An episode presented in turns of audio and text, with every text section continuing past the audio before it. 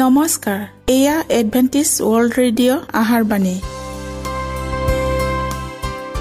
ষোল্ল মিটাৰ বেণ্ডত সোতৰ হাজাৰ আঠশ দহ কিলোহজত এডভেণ্টিছ ৱৰ্ল্ড ৰেডিঅ' যোগে অসমীয়া ভাষাত প্ৰচাৰিত আহাৰবাণী প্ৰত্যেক বুধবাৰ আৰু দেওবাৰ সন্ধিয়া সাত বজাত আহাৰবাণী শুনাৰ পিছত আপোনালোকৰ কিবা মন্তব্য আৰু প্ৰশ্ন থাকিলে আমালৈ এই ঠিকনাত লিখক। আমাৰ ঠিকনাটি হৈছে Adventist world radio' seven day Adventist মণ্ডলী অসম শাখা লতাকাটা বশিষ্ঠ গুৱাহাটী সাত আঠ এক শূন্য দুই ন।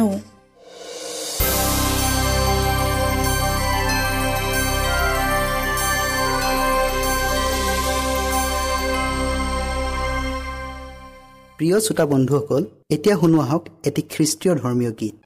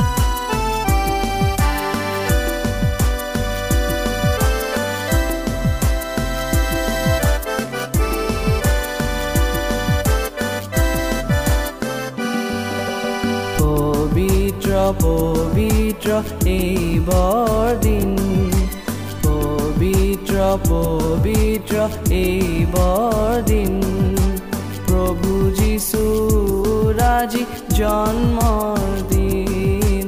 প্ৰভু যীশু ৰাজি জন্মৰ দিন।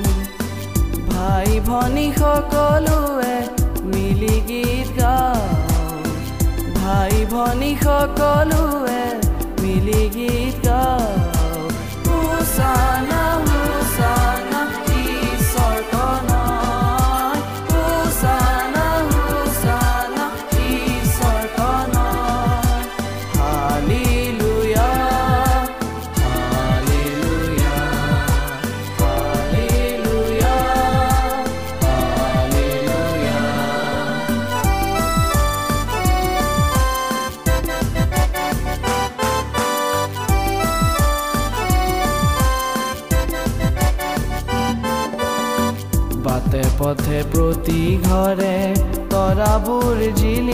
জিলিকিছে ৰঙা নীলা পোচাকেৰে শিশুবোৰে হাঁহিছে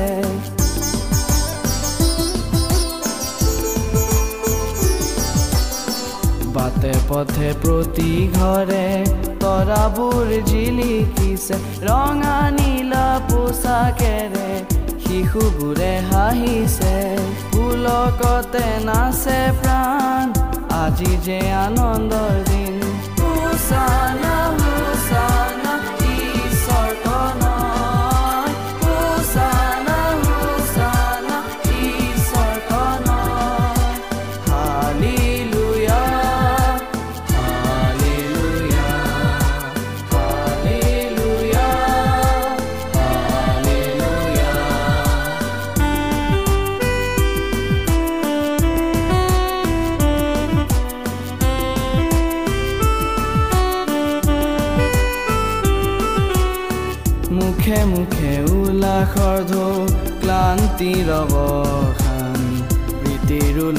বৰষে প্ৰেমৰ আলিংগন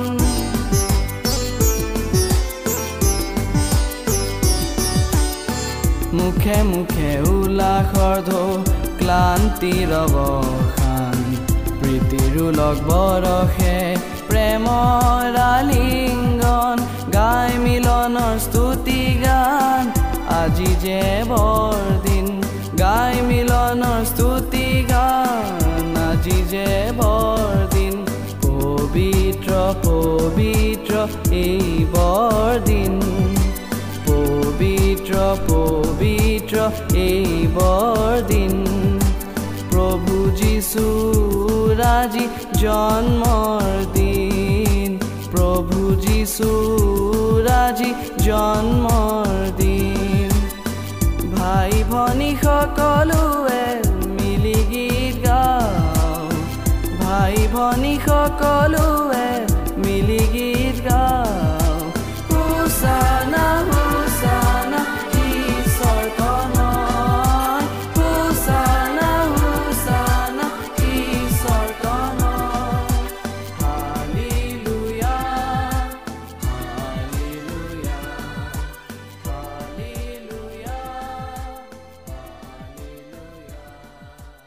প্ৰিয় শ্ৰোতা বন্ধুসকল আহক আমি খন্তেক সময় বাইবেল অধ্যয়ন কৰোঁ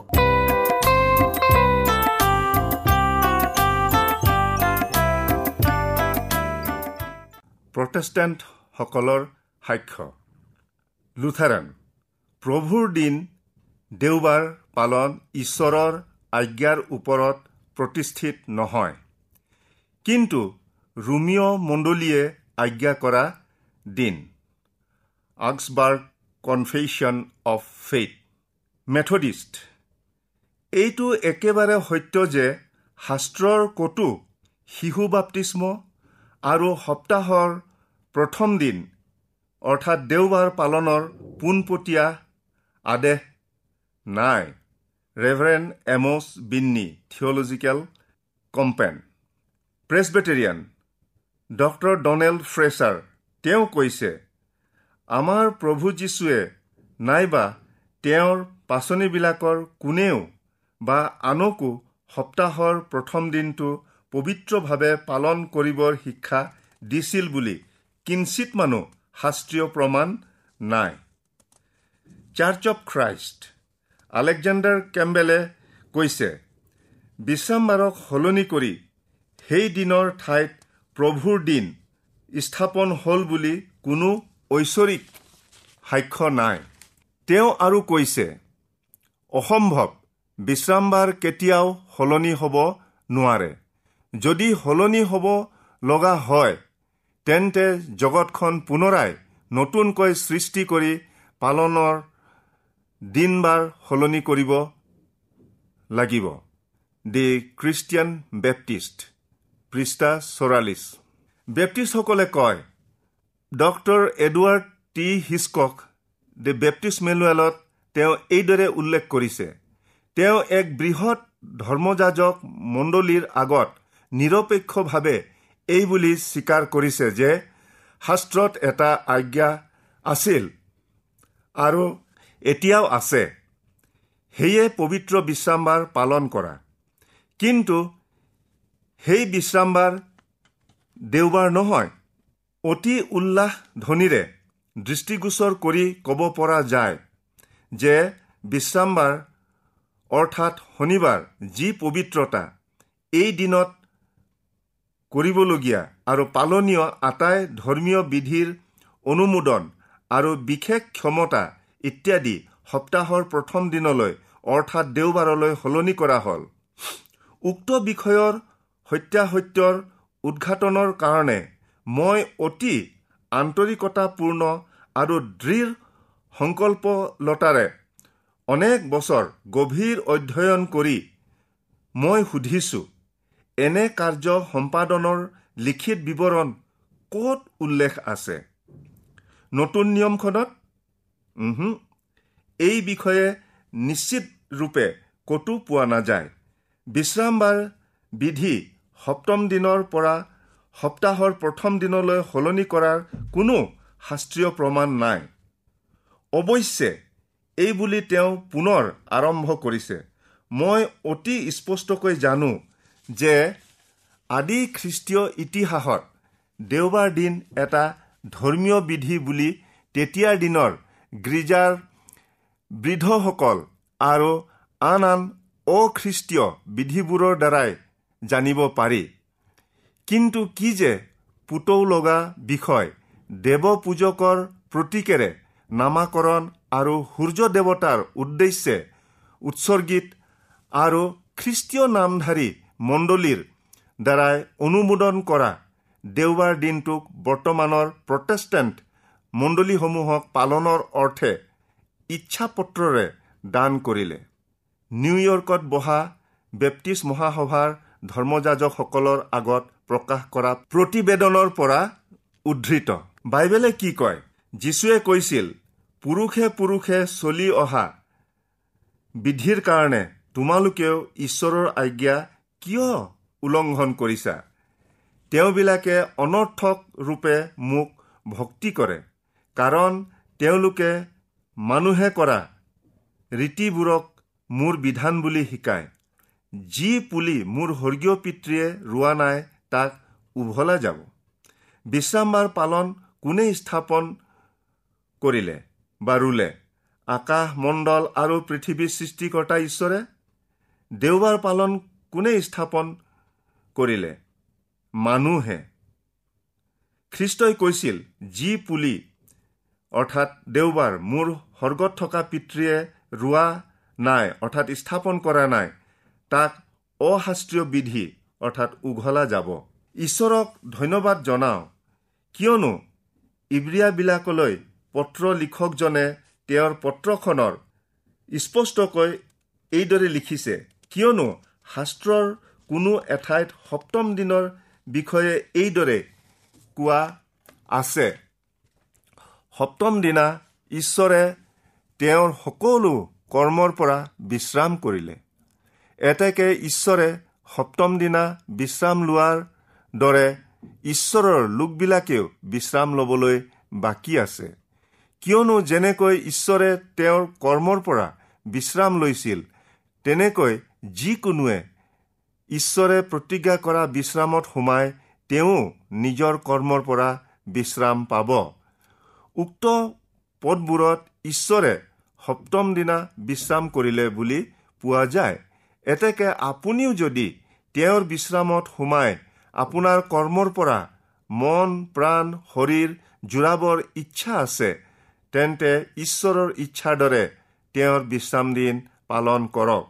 বছৰেকীয়া দিনপঞ্জী সলনি। এতিয়া কোনোবাই তপৰাই ক'ব বছৰেকীয়া দিনপঞ্জী সাল সলনি হোৱাত গণনাত সময়বোৰ হেৰাই গৈছে। জ্যোতিৰ্বিদ হিংক্লিয়ে কৈছে সূৰ্য বা চন্দ্ৰ গ্ৰহণৰ গণনাৰ দ্বাৰাই প্ৰমাণ কৰিব পাৰি যে সময় হেৰাই যোৱা নাই। সৃষ্টিৰ সময়ত যি সাতোটা দিনৰ প্ৰতিটো দিনক চৌবিছ ঘণ্টাত ভাগ কৰা হৈছিল এতিয়াও তেনেদৰেই আছে। The Watchman July nineteen twenty six.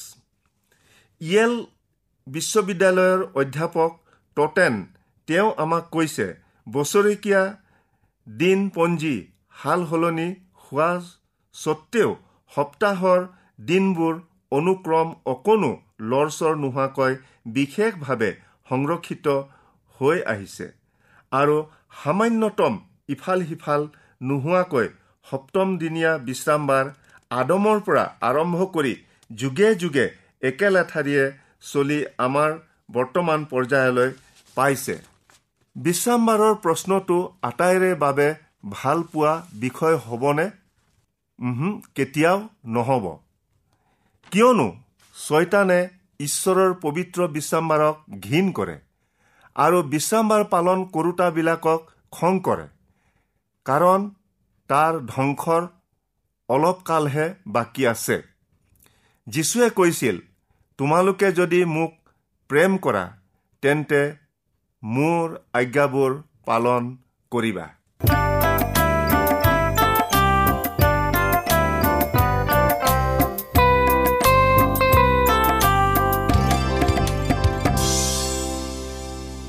ইমানপৰে আমি বাইবেল অধ্যয়ন কৰিলোঁ। এতিয়া আকৌ শুনো আহক এটি খ্ৰীষ্টীয় ধৰ্মীয় গীত।